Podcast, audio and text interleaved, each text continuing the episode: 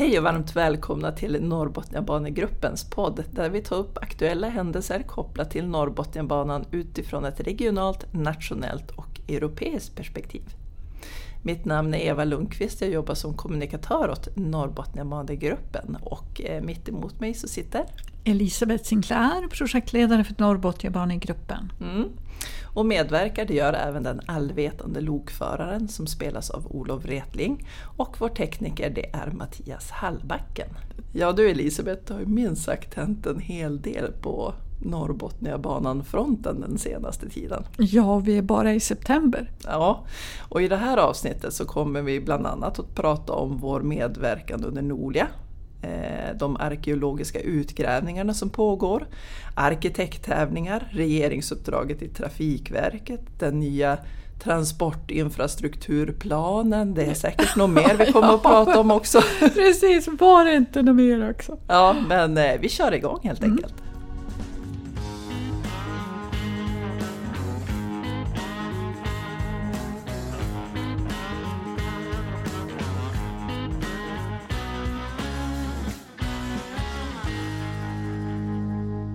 Ja, I vårt förra poddavsnitt så pratade vi med Joakim Berg på Norrtåg som berättade att det nu är hög tid att börja beställa de lok som eh, kommer att trafikera Norrbotniabanan. Man kan ju säga att vi tog honom på orden och satte igång och bygga ett tåg själva i början av augusti. Ja, det var ju visserligen ett tåg utan hjul och med väldigt lokal trafikering under Noliamässans fem dagar i Umeå. Precis, eh, vi hade en monter där som var till formen av ett tåg kan man säga. Montern var ju rätt stor, 120 kvadratmeter faktiskt och det mm. behövdes för vi var ju det var ju som en samarbetsmonter som vi hade tillsammans med Umeå kommun och Robertsfors kommun och Skellefteå kommun och Piteå kommun och Luleå kommun och eh, även representanter från Trafikverket och Norrtåg gästade monter så det krävdes ju yta så att säga. Ja, vi var ju ganska många i det här trevliga eventet får man ju säga. Eh, men det var ju också för att vi skulle kunna möta allmänheten och deras frågor. Och, för, mm, och också för att få ett tillfälle att mötas över kommungränserna, prata med operatören Norrtåg och eh, givetvis då Trafikverket. För vi är ju väldigt många som har vad ska man säga, en gemensam väg framåt i det här eh, arbetet. Um, så, och fokus i samtalet det låg ju på framtiden med Norrbotniabanan. Um, för det, alltså det kan ju låta lite märkligt med tanke på att bygget är långt ifrån klart och att ännu så handlar det ganska mycket om banans eh, sträckning norrut. Men faktum är ju att vi redan nu måste börja prata om de möjligheter som banan skapar. Hur kommer jag att resa i framtiden? Hur fort kommer det att gå? Eh, var vill jag bo och arbeta och vad har orten att erbjuda på i form av fritids och kulturaktiviteter. Och det måste vi prata om för när tåget kommer då ska vi stå på perrongen. Och det är ju, det är ju för att vi ska få ut maximal nytta av banan när den väl är på plats. Så det, man kan se det som mycket förberedelser. Men det är klart att det var många frågor som gällde utformning av resecentrum och ibland också placering av dem. Och eh, sen också kom det ju lite frågor om sträckningen norrut och det var ju mycket frågor då till Trafikverket. Men vi ska väl inte sticka under stolen med att den vanligaste frågan var givetvis när är hela Norrbotniabanan klar? Men vi får återkomma det till eh, diskussionen om målår lite längre fram. Mm, precis. Och, och, eh, lite som du nämnde där från början, att ta, ta med på resan att snart är det ju en verklighet. Eh, det vart som tydligt även för egen del just att Norrtåg fanns med som är då operatören som kommer att trafikera Norrbotniabanan när den väl är på plats. Mm, för man kan ju säga så att egentligen så är ju trafiken på Botniabanan det är ju den trafik som kommer att förlängas på Norrbotniabanan. Så vill man provåka så kan man göra det redan nu, fast ja, söder. Precis, söder. och särskilt för dig som bor i, i Umeå, du har ju möjligheten att nyttja den under en lång tid. Mm, ett självklart val. Mm. Och det kändes ju även väldigt bra att Trafikverket var på plats. De kommer ju att ha många informationsmöten nu när planeringen startar norrut men om man inte har möjlighet att vara på dem eller att man har tidiga frågor så var det ju väldigt bra att de fanns på plats. Mm.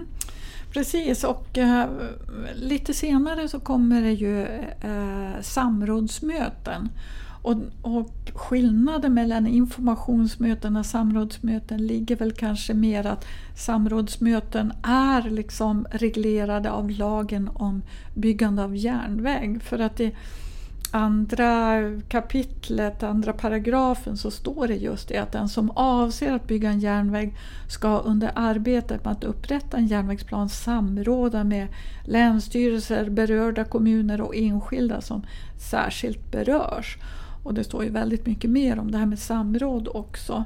Det gäller att hålla koll på var i processen Trafikverket befinner sig och det är ju särskilt för de som är berörda men det är av stort intresse för oss allihopa. Sedan bygget av Botniabanan så har informationsmötena fått en större betydelse. Eva, du var ju eh, med i Byske häromkvällen på ett informationsmöte.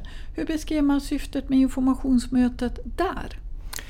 Ja, jag, jag, tänker att det är som två delar i det där. Vi pratar om, om eh, Trafikverkets process.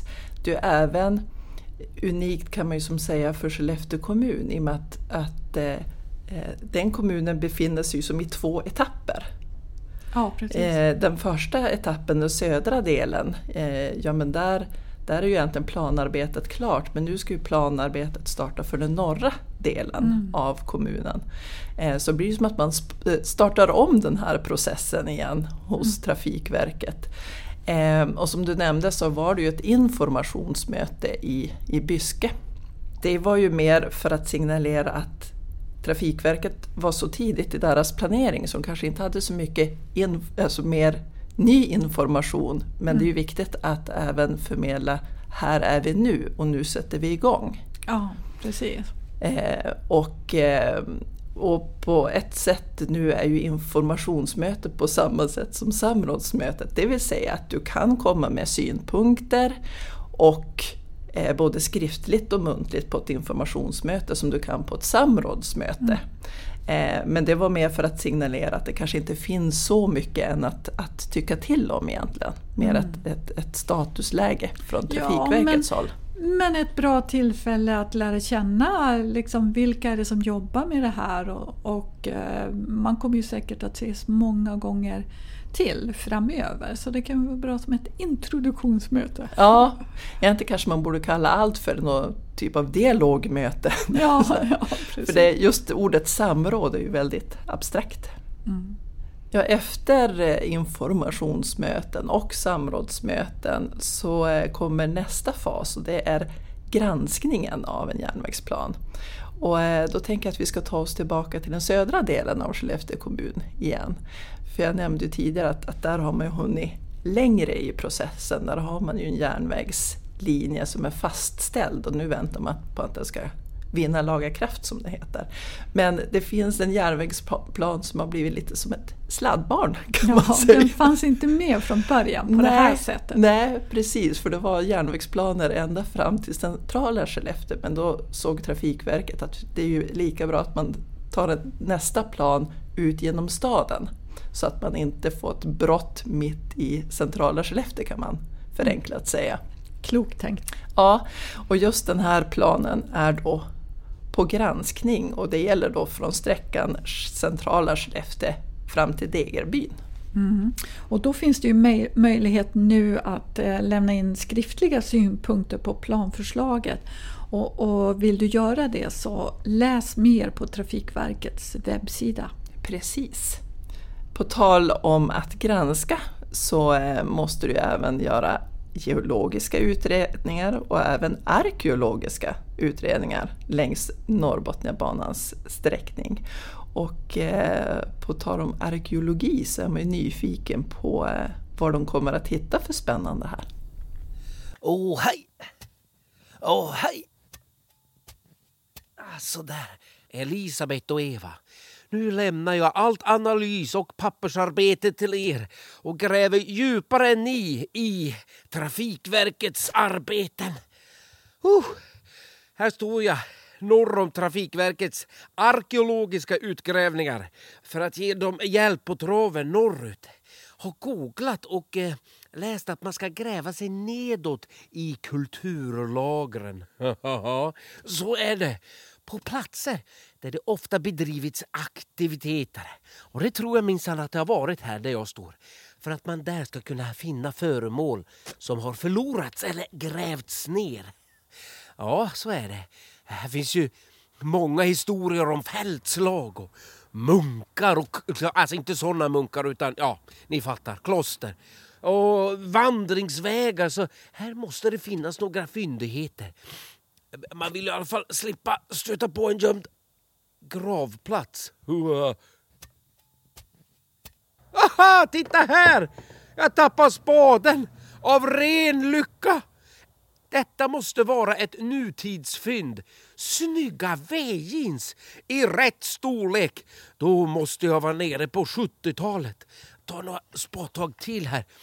I kulturlagren borde jag, jag kunna ta ner mig till 60-talet eller... Jajamän! Titta vad jag hittade! En mellanöl! Lite gammal utan alkohol. Och där ligger en lavalampa. Mm. Men vad finns längre ner? Nu blir det ovanligt djupt måste jag säga. Kanske har jag nått ända ner till 50-talet. Och jaha, titta! En tjock-tv! Precis vad jag behövde under kalla och mörka höstkvällar. Då får räcka för grävandet idag. Måste hem och prova mina nya byxor och tända lavalampan och slå på tvn så man inte missar Hylands hörna. Och kanske törs man dricka en gammal mellanöl. ja du, vilka fynd! Men äh, räknas detta verkligen som arkeologi? Lät mer som nostalgi tycker jag. Eller hur? Äh, men äh, vet du om det har gjorts några fynd vid de här utgrävningarna? Ja, men alltså jag läser och eh, tittar på media om eh, allt som sägs om de här utgrävningarna för det är ruskigt eh, spännande. Och, och, man kan väl säga så här att man försöker ju undvika intrång i kulturmiljöer när man bygger järnvägar och vägar. Men om man inte kan det, då gör man ju sådana här arkeologiska utgrävningar och, och, det är för att dokumentera eventuella fynd i backen där järnvägen ska uh, gå. Och det är ju för att det här kan ju ge ny kunskap om vår historia flera tusen år bakåt i tiden. Du vet att det är ju som att när man ska titta så långt tillbaka så vi har ju så lite, vad ska man säga, dokumentation om det så det blir som att titta ett sugrör bakåt. Man ser bara några fläckar här och där. Men, men vad jag har hört så på en höjd i Ljungboda utanför Bygdeå norr om Umeå så har man sedan tidigare känt till att det finns en cirka 3500 år gammal grav. Ett så kallat långröse. Men det har aldrig undersökts tidigare. Och gissningsvis finns flera personer begravda på den här platsen som på den tiden faktiskt utgjordes av en ö hela 300 meter från fastlandet. Och det är ju landhöjningen som gör att platsen numera ligger en bra bit från havet. Och... Eh, så att det här blir ju riktigt spännande att följa. Och jag minns ju de här riktigt spektakulära fynden på Bjärstamon i Botniabanans sträckning. Eller vad sägs om ett tuggummi gjort av kåda med avtryck av tänder? Eller pilspetsar eh, och ett litet litet djurhuvud utkarvat i skiffer. Så eh, ja, men det här blir spännande att se vad man hittar längs Norrbotniabanans sträckning. Och det där med tuggummit, det, det, vet jag att jag har hört talas om, men jag tyckte att det var så himla spännande. Det var väl något barn de kom fram till som hade tuggat på det där, om jag inte minns fel. För jag vet att jag funderar, hur kan de veta det? men det är väl det som arkeologer är bra på. Ja, exakt. Att dyka ner i sådana delar. Och är du som lyssnar extra intresserad av just det här så tänker jag att vi kan lägga ut några spännande länkar om det i eh, bloggen. Ja, förutom dessa arkeologiska utgrävningar så är det en hel del arkitekt och projekttävlingar som, som pågår just nu längs eh, Norrbotniabanan. Ja, alltså jag måste säga att det bara haglar av arkitekttävlingar inför bygget av Norrbotniabanan. Ehm, vi har ju tidigare pratat om arkitekttävlingen för landskapsbron genom Robertsfors. Eh, och eh, nu går man vidare faktiskt med ett team med representanter från flera ämnesområden. Jag vill minnas att det är en fotograf, en arkitekt och en antikvarie som testar nya designmetoder för att utveckla kulturmiljöer i Robertsfors. Och det är någonting som heter Arkdes eh, som är Sveriges nationella centrum för arkitektur och design som tillsammans med Robertsfors kommun och Riksantikvarieämbetet vi testar metoder för hur man kan utveckla den kulturhistoriskt värdefulla slaggstensbyggnaden i Robertsfors till att bli en levande allmän plats som stärker orten långsiktigt. Men eh, hur hänger detta ihop med Norrbotniabanan riktigt? Ja, jag ville verkligen att du skulle fråga om det. Men det, man tänker så här att i samband med de här gigantiska investeringarna som industrin gör nu då, med, i samband med de gröna omställningarna och tillkomsten av Norrbotniabanan, då behövs det också ett stort antal nya invånare. Och då behövs det nya offentliga rum. Och för att liksom tänka nytt och nyttja det som redan finns utan att förstöra det, då behövs det ju synvinklar från alla möjliga olika håll för att vi ska bygga det här hållbara samhället som vi behöver nu när vi ska bereda plats för många nya invånare. Så jag tycker att det finns sannerligen en stark känsla av att vi måste jobba med det här tillsammans. Mm. Om vi tar oss lite norr om eh, Robertsfors mot, mot Skellefteå och Piteå kommun så är de ju två av fem kommuner i Sverige som deltar i arkitekttävlingen Europan 17. Vad är nu det för tävling riktigt? Ja, jag tycker det är roligt att du redan från början har sagt Europan eftersom jag försökte eh, korrigera det och säga European 17. Men det är faktiskt Europan som det heter. Mm. Men, men förutom de här fem olika kommunerna i Sverige så är det 40 utpekade tävlingsområden i Europa. Och det är bara arkitekter som är under 40 år som får tävla. Och det här, den här tävlingen hålls vartannat år och i år är temat Levande städer som ska lyfta eh, fram nya sätt att planera städer med bättre förutsättningar för samhället existens mellan stad och eh, natur. Och jag tycker att det är extra spännande att det är så unga människor som är med i den här tävlingen. Om det nu är arkitekter under 40 år och att det är 40 utpekade tävlingsområden, varför heter det Europan 17? Alltså, det borde heta Europan 40, hade varit mer logiskt kanske. Ja, alltså det, det finns ju Europan 14, 15, 16 ah, i alla fall, så det mm. kanske är den 17 tävlingen vem vet? Mm. Och jag vet ju för Skellefteås del så ska dessa arkitekter rita ett nytt bostadsområde till, till Skarinsområdet i Ursviken som ligger precis bredvid Skellefteälven, det där området. Mm. Och nu, nu kanske det kopplas mer till befolkningsökningen än Norrbotniabanan men det är klar, klart att de hänger ihop lite grann och vi kan väl säga att Skarinsområdet är ett gammalt industriområde. Ja, det är ju uppkallat efter ett träindustriföretag som bedrev verksamhet där i nästan hundra år. Och det blir väldigt spännande att se eh, hur de tänker runt omkring det här området. Vad blir uppgiften för arkitekterna i eh, Piteå då? Ja men där ser vi ju en direkt koppling till Norrbotniabanan som tillsammans med Timmerleden bildar en barriär då mot staden. Och här blir ju uppgiften att expandera stadskärnan, överbrygga de här barriärerna mellan staden och älven i samband med att Norrbotniabanan byggs samtidigt som man ska eh, utforma ett resecentrum.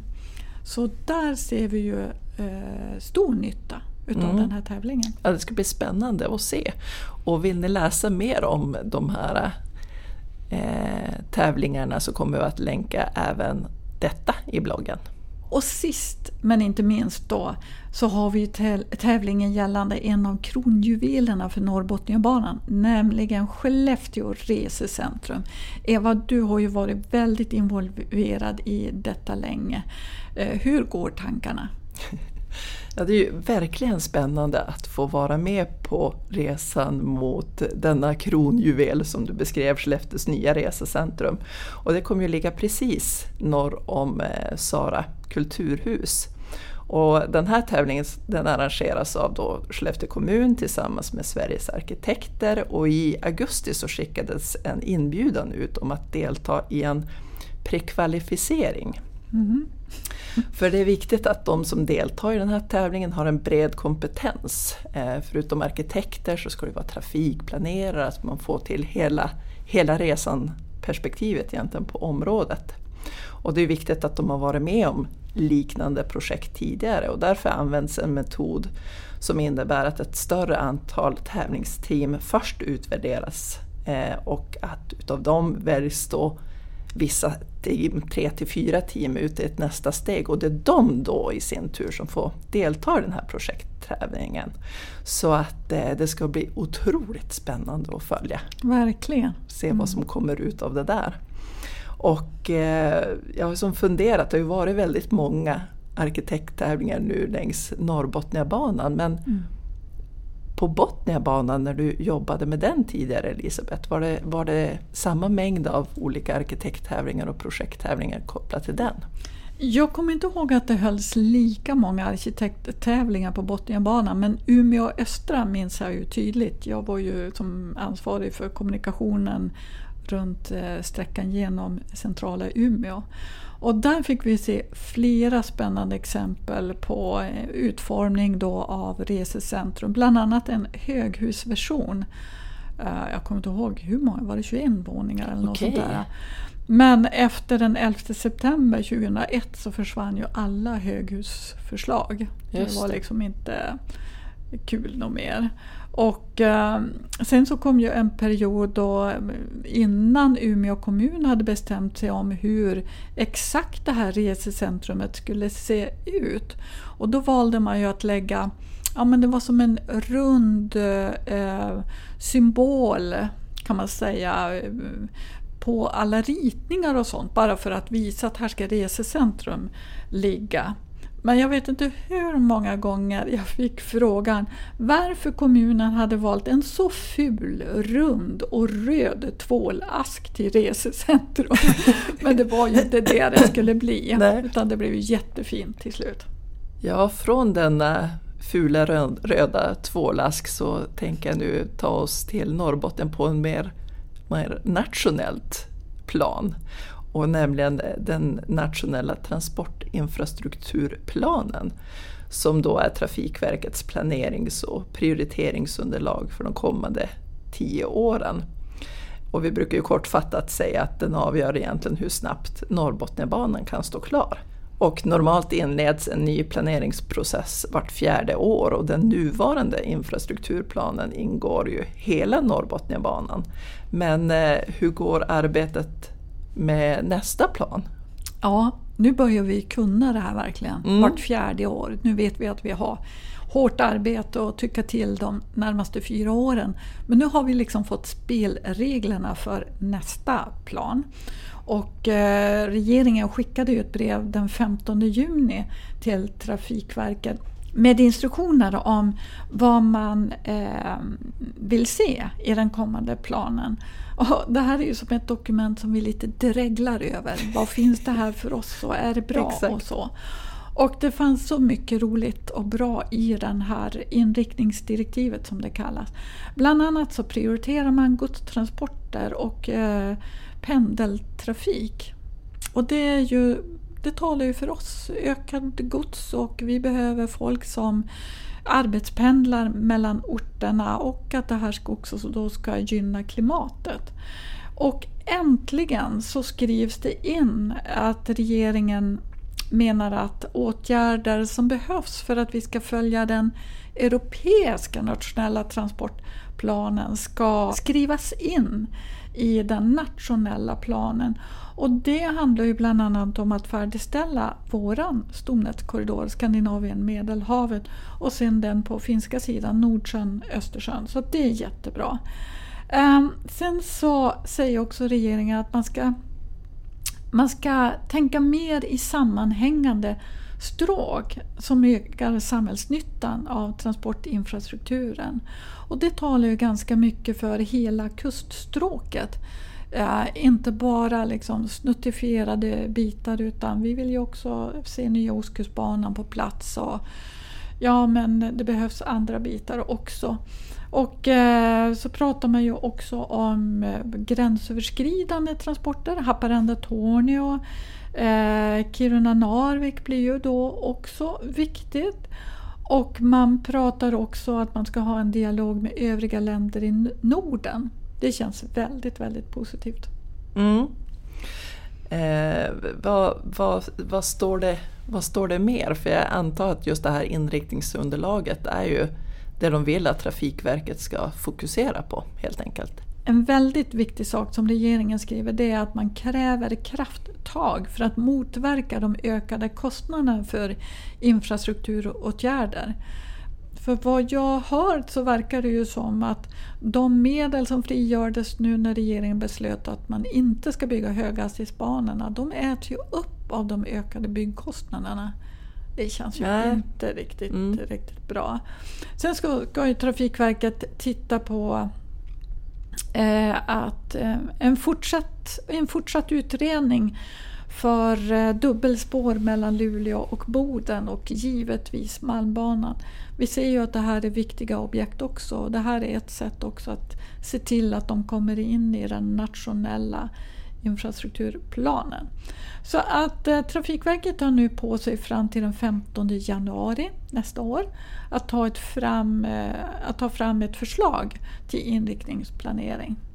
Och så ska de ju hålla på med kompletterande analyser fram till den 30 november nästa år. Ja, och eh, jag tänker bara på allt det du har, har nämnt här nu. Det, det är ett mastigt inriktningsunderlag. Ehm, och jag tänker att det är inte så lätt heller att följa med i de olika turerna kopplat till denna plan och vad som gäller egentligen för projektet Norrbotniabanan specifikt. Och därför har vi då gjort en tidsaxel även för denna plan på norrbotniabanan.se där du kan följa med på resan mot eh, beslutet av den egentligen. Ehm, och eh, jag tänker nu när vi la in denna tidsaxel på vår webbplats så eh, låg ju den tidigare med där också. Och då hette den eh, den nationella transportplanen, nej den nationella infrastrukturplanen och nu heter den den nationella transportinfrastrukturplanen. Så det, den verkar byta namn vid varje uppdatering också. Ja, alltså jag har ju hört både nationell infrastrukturplan, transportinfrastrukturplan eh, och nationella trafiksöver, eh, trafikslagsövergripande planen och framtidsplanen. Man får väl bara konstatera att, att kärt barn har många namn. Ja, exakt. Ja, och eh, utöver nu denna Eh, transportinfrastrukturplan så kom ju eh, regeringen med ett uppdrag till eh, Trafikverket i samband med Järnvägsforum i norr i mars. Ja, så var det. Och här, det här tror vi är ett arbete som man kommer att använda när man jobbar sen med den nationella planen. Och det handlar ju om det här regeringsuppdraget som Trafikverket fick i mars. Det handlar om att beskriva aktuell status och aktuellt planeringsläge eh, för de åtgärder i den senaste nationella planen som har betydelse för de stora företagsetableringarna i Norrbotten och Västerbottens län kan man kortfattat säga. Och eh, nu har ju Trafikverket redovisat det här arbetet och vi har lite blandade känslor inför resultatet. Eh, vad är det för blandade känslor? Ja, alltså det är verkligen ett ambitiöst arbete som Trafikverket har gjort och vi gläds åt att de signalerar tydligt att de vill tidigare lägga Norrbotniabanan, om vi nu fokuserar på Norrbotniabanan, och att de vill se en byggstart så fort som planerna har vunnit laga kraft. Men med det sagt så har vi fortfarande frågetecken gällande tidsplanen, då målår saknas, finansieringen är oklar och eh, frågor kring organiseringen av det fortsatta arbetet med Norrbotniabanan. Kan du utveckla det där med eh, det du sa tidigare om målår? Ja, av, av utredningen framgår det att Norrbotniabanan skulle vara möjlig att tidigare lägga till cirka och jag gör betoning på cirka 2036 istället för cirka 2040 om finansieringen fortsätter i samma takt som den nationella transportplanen eh, anger. Då vill jag bara säga att det står ingenting i nuvarande transportplanen om cirka 2040 eller cirka 2036. Utan man har gjort en bedömning av, får vi pengarna i den takt som vi har fått hittills, då kanske vi kan ha hela banan färdig till eh, 2036. Men om vi tittar på förordningen för, för eh, det europeiska transportnätet så skulle hela sträckan mellan Gävle och Luleå inklusive Norrbotniabanan stå klar redan 2030. Ja, det, det är en hel del olika årtal som, som, eh, som figurerar och det, det, skapar ju, det skapar ju problem i flera led. Ja, vi skulle ju hellre se att man utgick från hur fort en järnväg på 250 eh, km i timmen kan byggas om man har alla resurser på plats.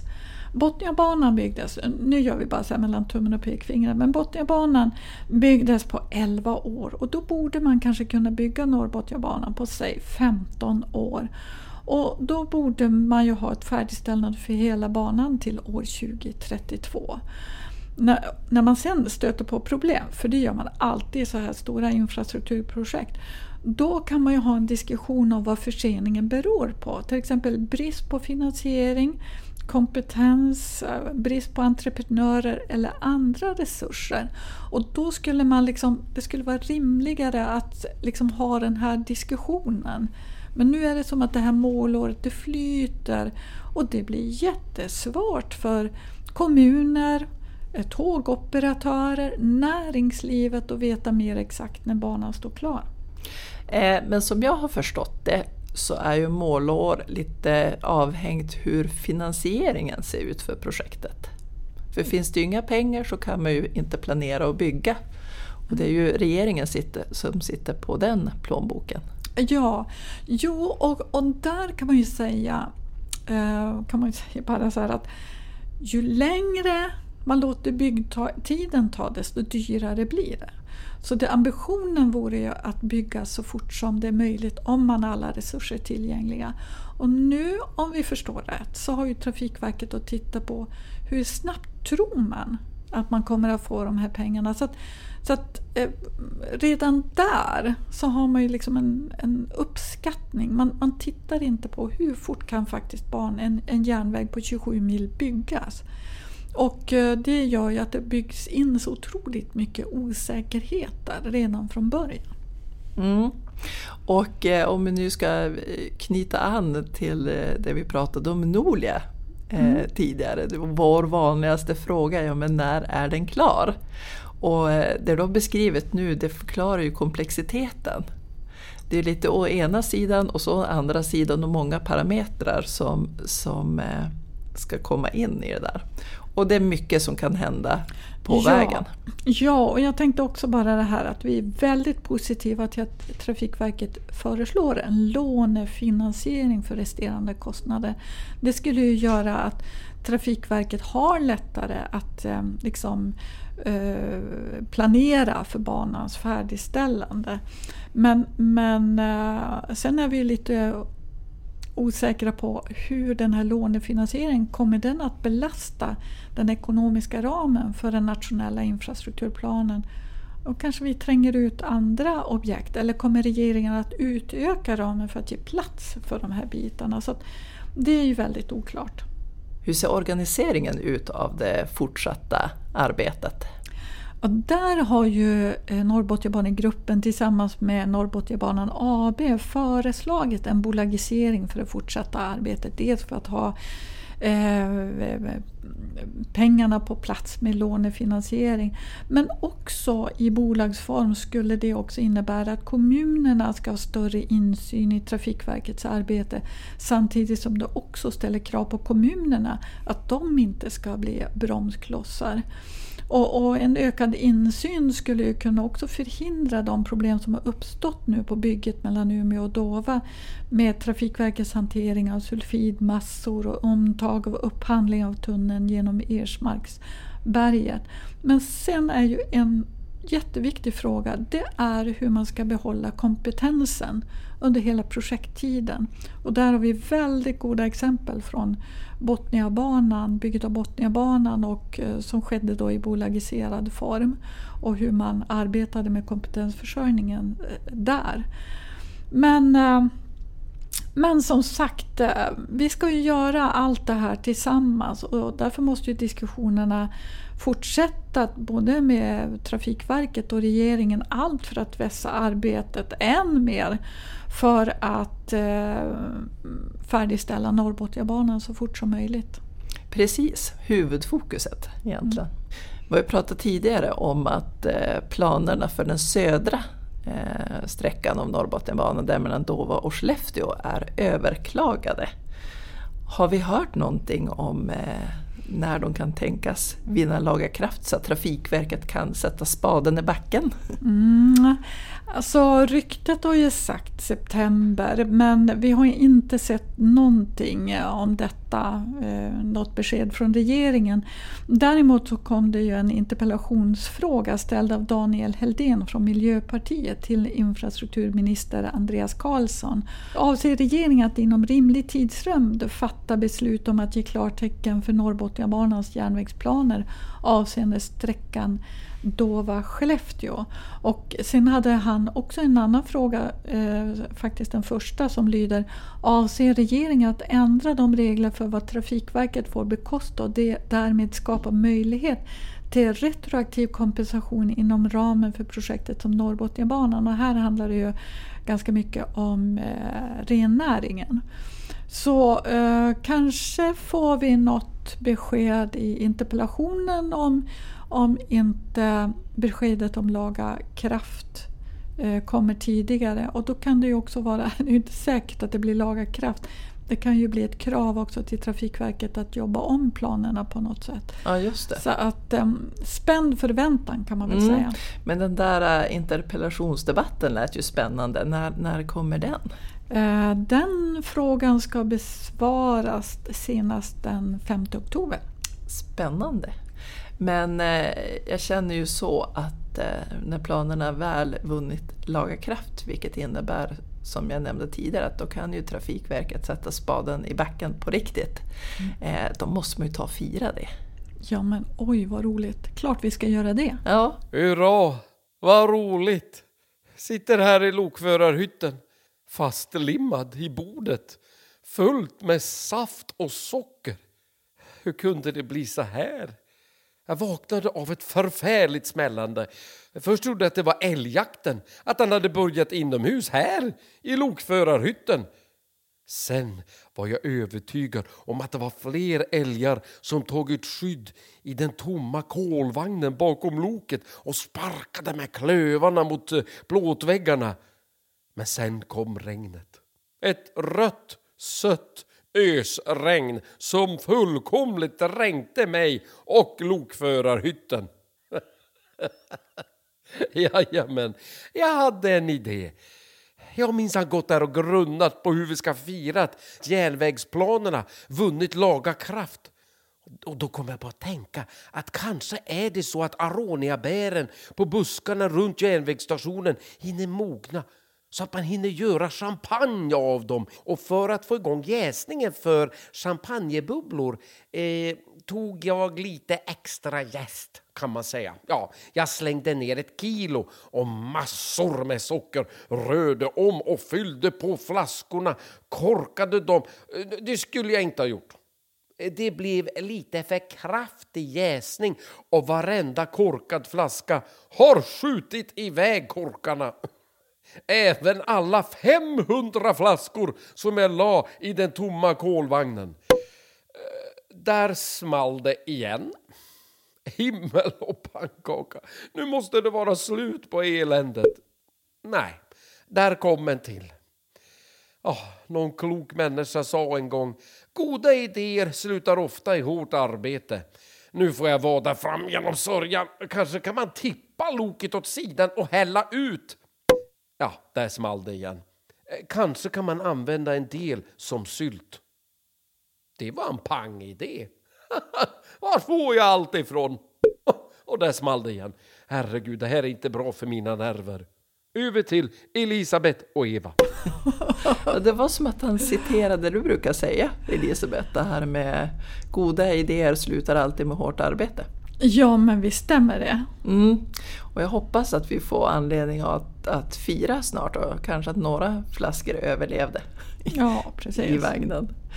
Men sen vet jag ju att eh, du har nyligen varit i eh, Finland, Elisabeth. Jajamensan, på en slutkonferens som man kan säga, jag tror att en intresseorganisation som heter Botnian Ark eh, har haft. Och Botnian Ark det, de arbetar ju för att främja gränsöverskridande samarbeten i Bottenviksbågen. Alltså, jag vill bara säga, det finns väldigt många nätverk och det känns som vi har ett finger med överallt. Det var nog första gången jag hörde Bottenviksbågen. Mm, precis, jag tycker det är ett väldigt vackert namn. Mm. Ja, men de arbetar ju för att förbättra en hållbar, balanserad och gränslös territoriell utveckling med hänsyn till regional mångfald.